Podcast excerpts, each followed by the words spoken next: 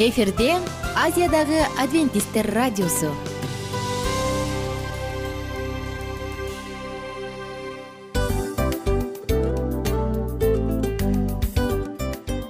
Достор салют.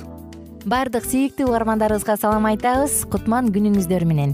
Ден соолук өмүрдүн булагы демекчи саламат саамы программасында баарыңыздарды көргөнүбүзгө абдан кубанычтабыз. Анда алгач амандашып өтөлү арбаңыздар деп. Ден соолугуңуздар кандай элибизде көбүнчө ден соолук кандай дегенде эле жакшы деп жооп беребиз э ооруп турсак дагы жакшы дейбиз. Анан мен муну айтып ойлойт элем бул абдан сонун сөз депчи анткени бул жакшы деген үмүт да э ооба баары жакшы болот. Баары сонун. Деп үмүттөнүп атып эле өзүбүздү өзүбүз дарылап коебуз. Анысы кандай? Сиздин дагы ден соолугуңуз жакшы беш деген үмүттөбүз чындыгында ден соолук бул өмүрдүн булагы деп бекеринен айтылган эмес деп ойлойм. Кыргыз элинде анткени эгерде ден соолук жок болсо анда адамдын жашоосунда калган баардык керектүү маңыздуу нерселер өзүнүн баалуулугун жоготуп коет. Ошондуктан ден соолук бул эң керектүү нерсе. Ооба туура айтасың кесиптешим. Чынында ден соолугуң жок бир эки үч күн ооруп калсаң эле э кандай болуп калат? Жашоодо көз каранды болуп каласың көп нерсеге жетишпей каласың көп нерсени кыла албай каласың жада калса эшикке дүкөнгө да чыга албай каласың. Туптуура анан ден соолук болсо демек биз биздин бактыбыз тоодой деп койсок болот. Анда достор саламат саамы рубрикабызды баштайлы. Алдыда өзүңүзгө керектүү болгон сонун кеңештерди уга аласыздар. Мына ошондуктан биз менен бирге болуңуздар. Ал эми биз болсо милан жана айнура. Кеттик алга. Алга саламат саама ден соолуктун жарчысы. Саламат саама ден соолуктун ачкычы. Күн сайын сиз үчүн мыкты кеңештер сонун жаңылыктар кызыктуу фактылар. Биздин рубрикада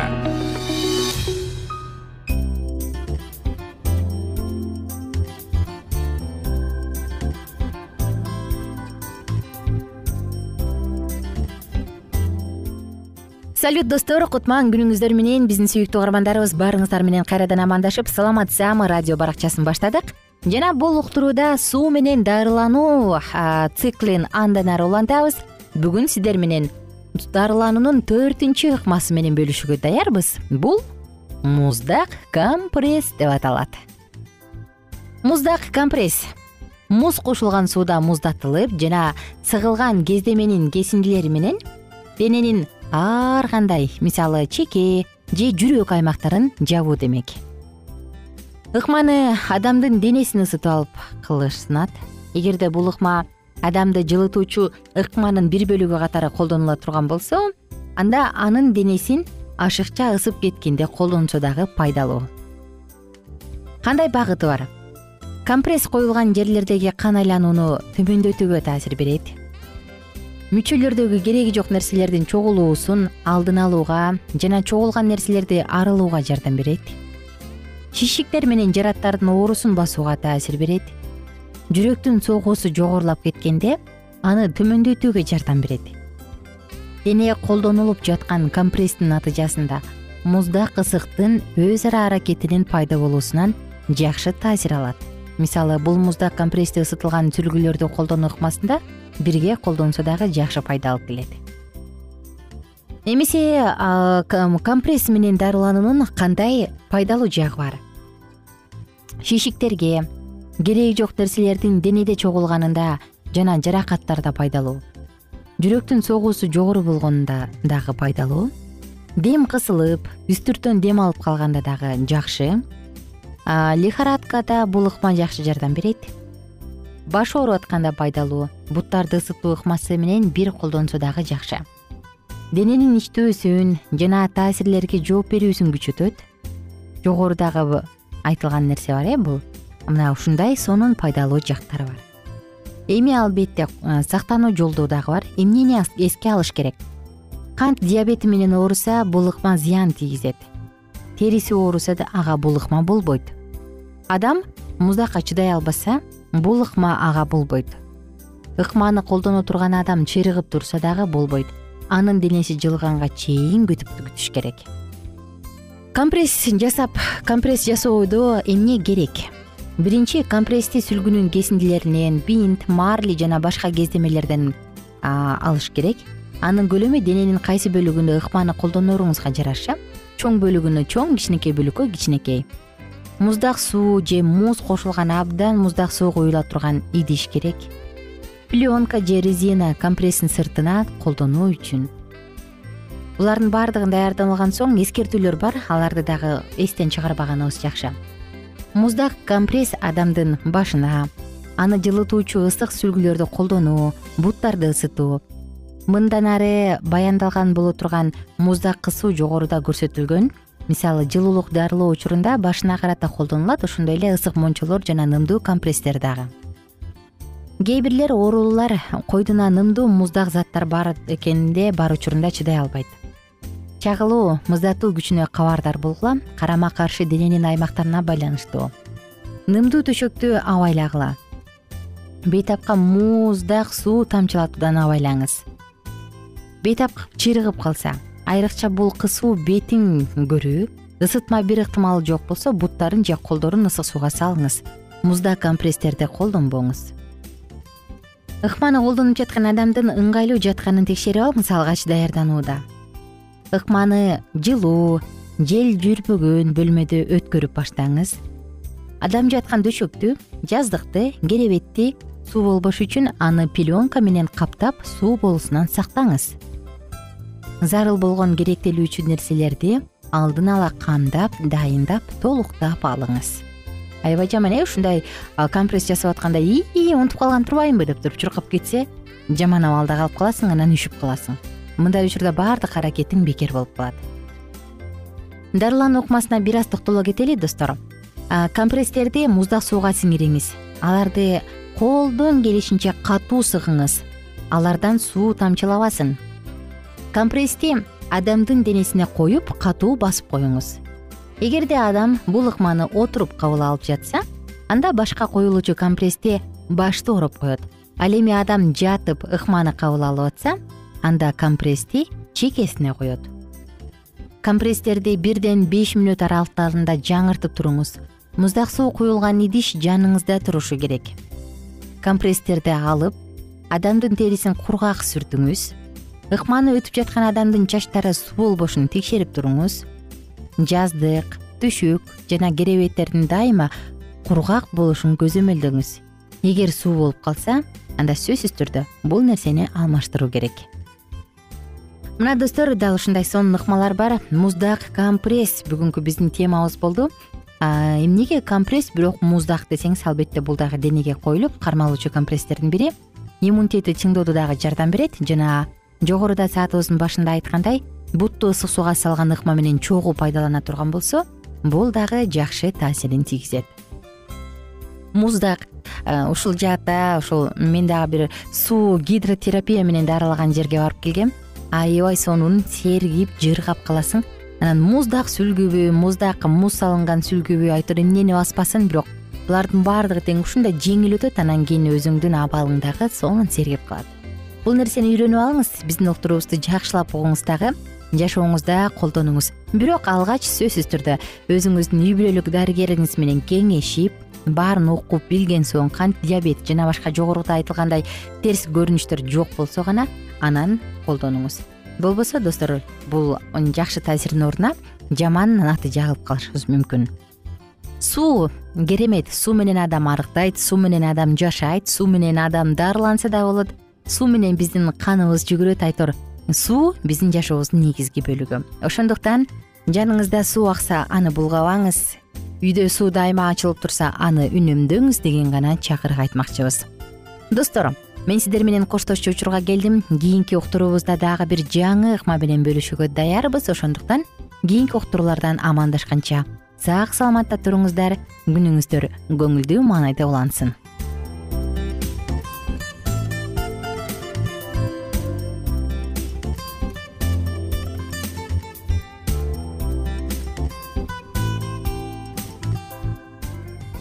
кененирээк маалыматтар үчүн үч w чекит саламат чекит клуб сайтына келип таанышыңыздар. Жана андан тышкары социалдык тармактарда youtube facebook жана instagram баракчаларына катталыңыз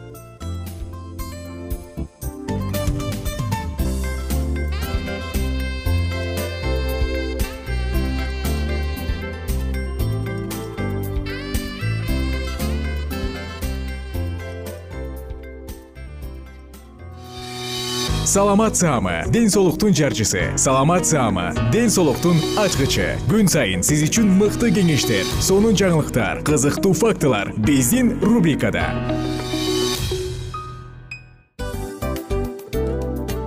Салам достор. Кайрадан биздин сүйүктүү рубрикабызга кош келиңиздер деп айтмакчыбыз. Баардык замандаштарыбызга арбаңыздар деп саламыбызды айтабыз. Улуу ушундай бир урматтаган учурашуу менен анан дил маек радио баракчабызга чакырабыз. Негизи дил маек биздин рубрикабызда эмне жөнүндө кеп кылабыз? Бул дил маектин мааниси эмнеде? Рубрикабыз менен кичине тааныштырып кетсеңиз. Сөзсүз түрдө тааныштыра кетейин кесиптешим суранычы боюнча бул учурда бул радио баракчада биз ар тарап кесип ээлеринен сонун кеңештерди алабыз сүйлөшөбүз сырдашабыз аталарыбыздын эжелерибиздин апаларыбыздын кеңештерин угабыз айтор жан дүйнөгө адамдын э, сапатына адамдын деги эле адам болуп жашашына керектүү баардык кеңештер алдыда. Негизи э, дил маек дегенде баягы эки адамдын ортосундагы сырдашуу кенен сүйлөшүү. Негизи эле биз адамдар бири бирибиз менен бир жерге жай жерге отуруп алып өзүнчө тынч э, жашоо жөнүндө өмүрүбүздө эмне болуп атканын бөлүшкөнү жакшы көрөбүз э адамдар. Ооба туура айтасың анан мындай учурга кээде убакыт да жетпей келет э. Же болбосо сырыңды кайгыңды муңуңду кубанычыңды айткың келет а адамга ишенбешиң мүмкүн. Ооба. А бул радио баракча угармандарыбыздын чыныгы досу. Анткени бизден алган кеңеш сиздин жашооңузга чоң жардам берет. Ал эми сиздин бизге айта турган сөзүңүз ортодо гана сыр бойдон калат. Ошондуктан биздин дил маек рубрикабызга дагы бир жолу кош келиңиздер. Жана биз даярдаган маалыматтарга даяр болуңуздар. Айнура жана милан сиздер менен бирге алдыга кеттик ар түрдүү ардактуу кесип ээлеринен алтын сөздөр жүрөк ачышкан сыр чачышкан сонун маек. Дил маек рубрикасында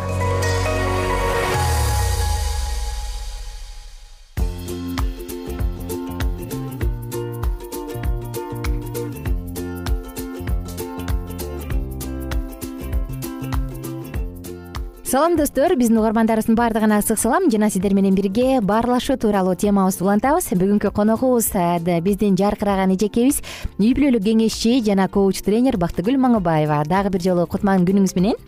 Кутмандуу күн айнура. Сиз менен чогуу ушинтип акырындан келеатып биз баарлашуунун бешинчи кабатына келгенбиз э. Ачык сүйлөшүү тууралуу. Ушул теманы андан ары улантсак анда сөз сизде. Абдан жакшы бул баарлашуучу эмне? Искусство же маданият деп эдикпи э ушул акыркы алтынчы кабатка келип калдык э? Ачык ачык сүйлөшүү чын эле биздин кыргыздын маданиятында жок. Биз э, жанагындай эле баш ийкемей же сеники туура. Анткени биз өзүбүздү ачкандан коркобуз. Балким туура эмес ойлоп калат же туура эмес кабыл алып калат деп. Анан баягы тамыры дагы эле биздин тиги кички кезибизде ошо бир кезде ошо кичинекей кыз же кичинекей бала кабыл алынган эмес.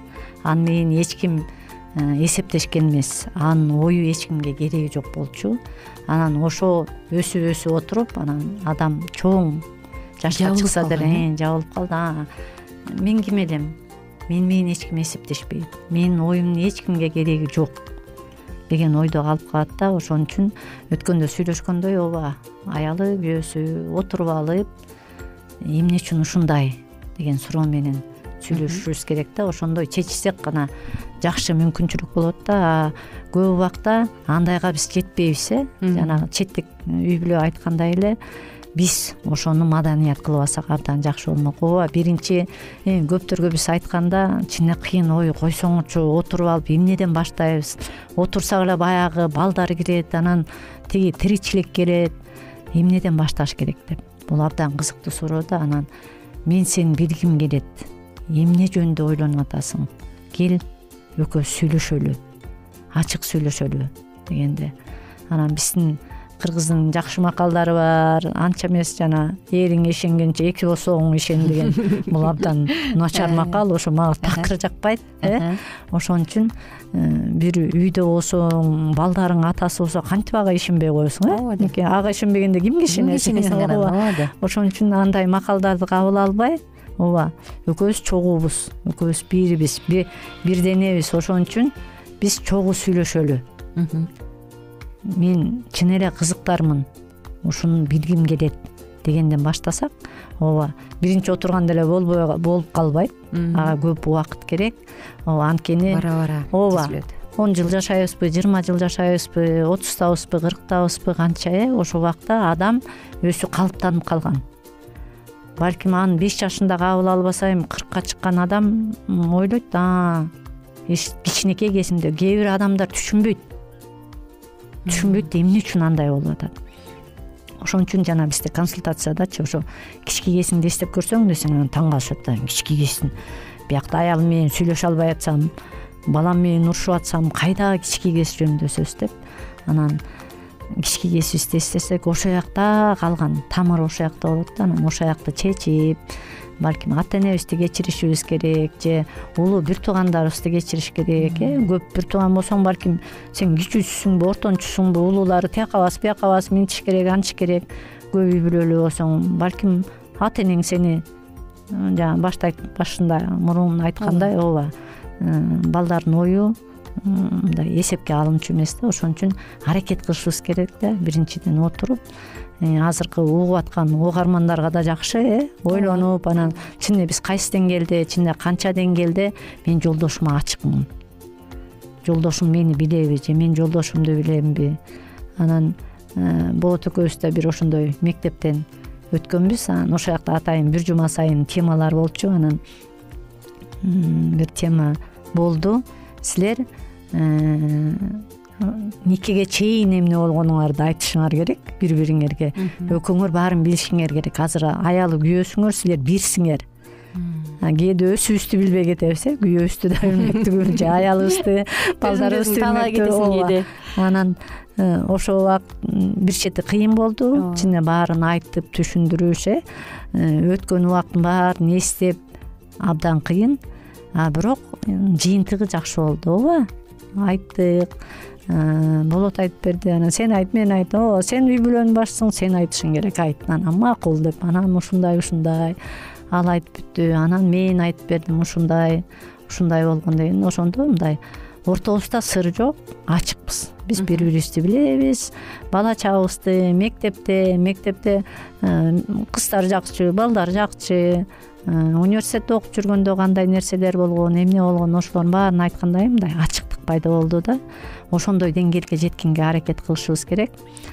Анан баарын ачык айтып мындай кичинеден жасашыбыз керек да. Дагы бир шок болуп калбакчымы семинар өтүп атып дагы эмне болду ушундай ачыктыкты айтышыбыз керек деп анан биз үй бүлөлөрдү чакырабыз да бирок бир үй бүлө эмес жолдошу келиптир анан ушинтип ачык айтыш керек баары ачык болуш керек силер деген аялы күйөөсү бир десек анан ии деп үйүнө келбей сүйүнүп ушундай жакшы семинар болду тиги жарымдын атын айтып мен сага ачык бир нерсени айта албай жүрдүм эле көптөн бери ушу айтайын деп ал ойноштук кылыптыр да анан ушундай ушундай болду эле кечир эми андай кайталанбайт десе анан аял отуруп рас болбоду ооба кечирем жаным мен да сага көптөн бери айта албай жүрдүм эле менде да ушундай болду эле десе тиги күйөөсү шок. Жана сен айткандай мен эле экен деп жүрсө бул турбайбы ал өзү даяр болбогондуктан ошондойн алар ажырашып кетишиптир да. Аял кабыл алды кечирди бирок эркек аны э, кечире алган жок да. Ошон үчүн баардык жерде акылмандуулук керек айнура э угуучуларга да айтат элем акылмандуулук менен кичинеден кадам сайын кадам сайын жүрөгүбүздү даярдап чын ошону көтөрө алабы жарың э түгөйүң акылмандуулук менен иш жазсак эми аракет кылсак берекет. Ошол деңгээлге жетебиз деп ишенем. Чоң рахмат. Карамагыбызда секундтар калды. Биз сиздер менен коштошобуз жана кийинки уктуруубузда ушул эле теманы андан ары улантабыз.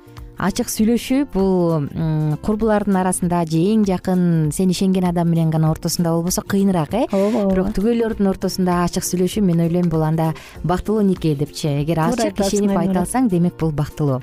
Достор кайрадан амандашканча ар түрдүү ардактуу кесип ээлеринен алтын сөздөр жүрөк ачышкан сыр чачышкан сонун маек дил маек рубрикасында.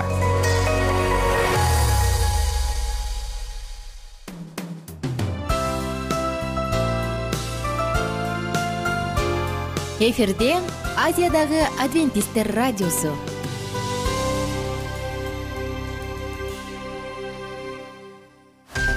жан дүйнөңдү байыткан жүрөгүңдү азыктанткан жашооңо маңыз тартуулаган жан азык рубрикасы.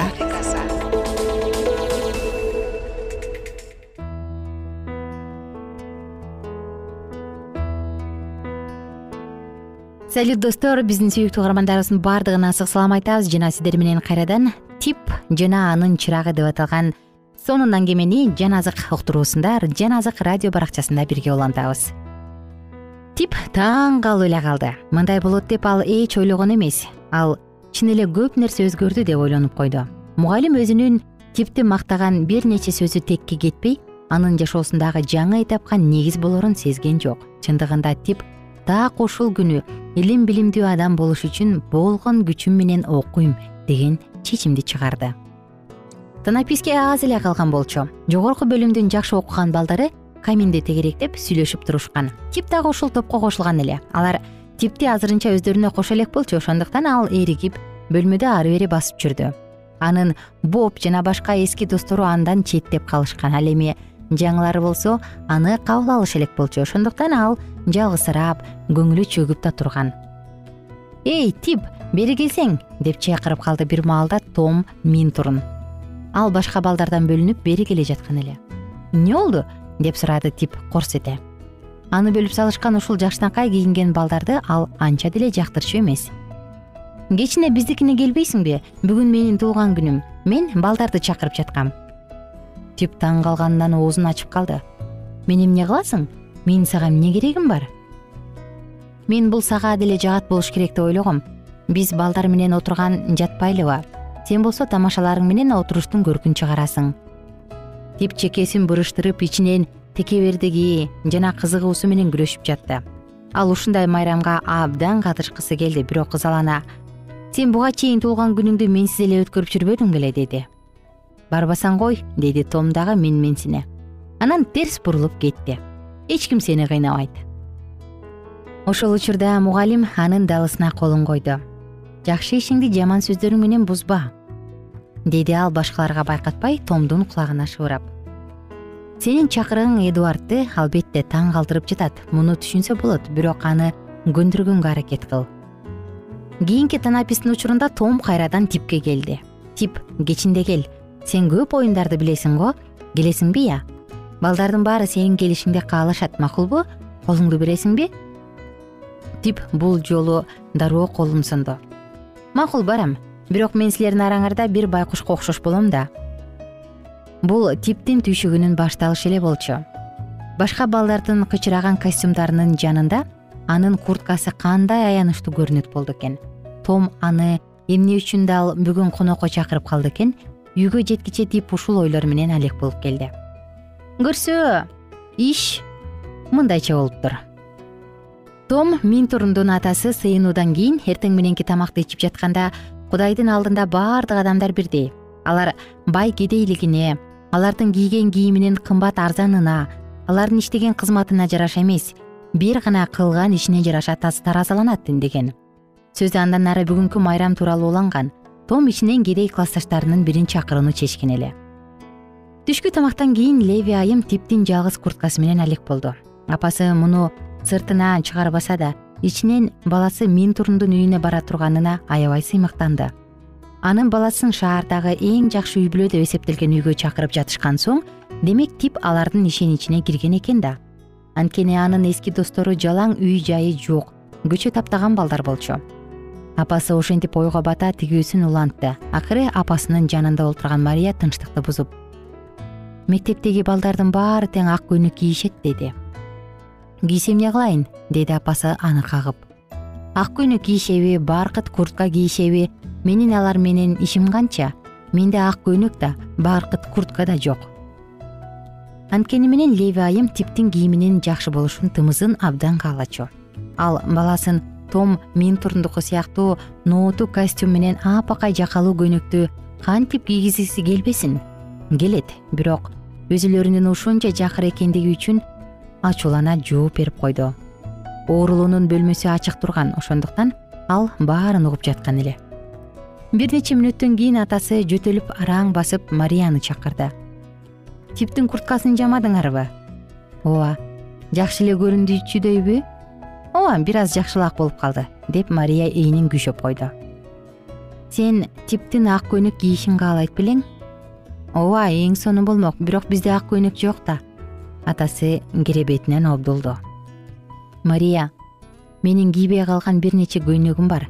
Эми аларды мен кийбей деле калдым го алар тетиги столдун астындагы сандыкта. Ошолорду алып чыгып карап көрүп бирин типке ылайыктап кичиртип берерсиң ал акыркы убакта аябай өсүп кетти. Ошондуктан андай деле көп кыскартпайт болушуң керек. Аракет кылып көрбөйсүңбү кызым тип сүйүнүп калсын мария сандыкты көздөй басты. Ал байкеси үчүн бир нерсе кылуу дегенди билчү эмес. Бирок бүгүн атасынын абалы абдан начар болуп тургандыктан мария дароо макул болду. Ал атасынын аппакай болгон крахмалданган көйнөгүн алып чыкты да ашканага алып барды. Бул көйнөктү эмне кылганы жатасың деди апасы ачуулуу көйнөктү көргөндө акыркы жолу эми бул көйнөктү экинчи кийбейт го деген ой менен жууп бүтүктөгөнү эсине түштү атам бул көйнөктү тип кие берсин дейт деди мария. Ооба мен бул көйнөктү типке бердим. Тип бүгүн кычырап барбаса болбойт лейва айым үндөгөн жок бирок ушул мүнөттөрдө анын күйөөсүнүн айыгышына болгон үлпүлдөгөн үмүтү ого бетер түштү. Көп өтпөй тип чачын жакшынакай кылып тарап аппак көйнөгүн кийип жамап жаз калган курткасын кийип турду. Ал кубанганынан жүзү жадырап чынында эле таанылбай калды мария деди ал кубанычы койнуна батпай бул көйнөктү кайдан алдыңар? Атамдыкы ал сени кийсин деп берди. Анан сен мага кичирейтип бердиңби? Мария колу бошобой жаткан кишидей болуп байкамаксан болуп койду. Ал типке жылмаюусун көрсөткүсү келген жок жок ал өзүнөн өзү эле кичирейип калды деп жооп берди. Өзүнөн эле кичирейип калса анда мен буга чын дилимден ыраазымын тип куудуңдаган бойдон көчөгө чуркап чыкты да ментурдун үйүн көздөй жөнөдү кызыктуу окуябызды кийинки уктурууда улантабыз достор. Ага чейин жалпыңыздар менен коштошобуз бар болуңуздар.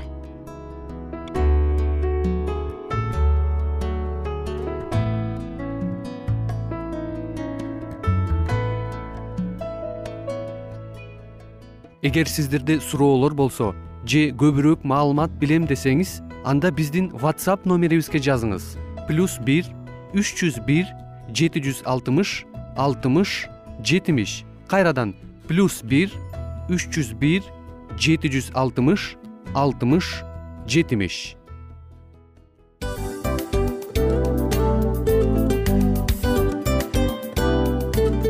Мына ушинтип убакыт дагы тез өтүп кетет экен биз дагы радио уктуруубуздун аягына келип жеттик келип кубандырдыңар эми кетип кубандыргыла деп тамашалап калышат эмеспи? Анысы кандай? Радио баракчабызды программабызды азыр эле баштап аткандай болдук элек. Мына соңуна келдик э? Негизи убакыт э, билинбей өтүп кетет экен? Мен дагы э, убакыт дегенде бүгүн бир адам менен сүйлөшүп калдым. Анан убакыт бул мүмкүнчүлүк деп айтып өзүмө өзүм айтып алып анан мага өзүмө эле кайра ачылыш болду да чын эле Э, карап отурсаң ошол эле жыйырма төрт саат ошол эле жарым саат кайталанып атат. Бирок сендеги мүмкүнчүлүк жок ошол кой берилип кетти? Анысы кандай? Бүгүнкү сонун убактыңызды алтындай болгон жарым саатыңызды бизге бөлүп арнаганыңыз үчүн ыраазычылык айтабыз. Анан жашооңуздун кайсы бир сферасын өзгөртө турган сонун пайдалуу кеңеш алган болсоңуз анда биз максатыбызга жеттик. Анан ушул нерсени кылбасам десеңиз ошол өзгөрүүлөрдү кичинекей кадамдардан баштап иш жүзүнө ашырыңыз дагы жашооңузда чоң чоң ийгиликтерге жетиңиздер чын жүрөктөн ар бир берилген кеңештер сөздөр сиздерге пайдасын алып келет деп ишенебиз жана кийинки уктурууларда сөзсүз түрдө чыдамсыздык менен сиздерди күтөбүз.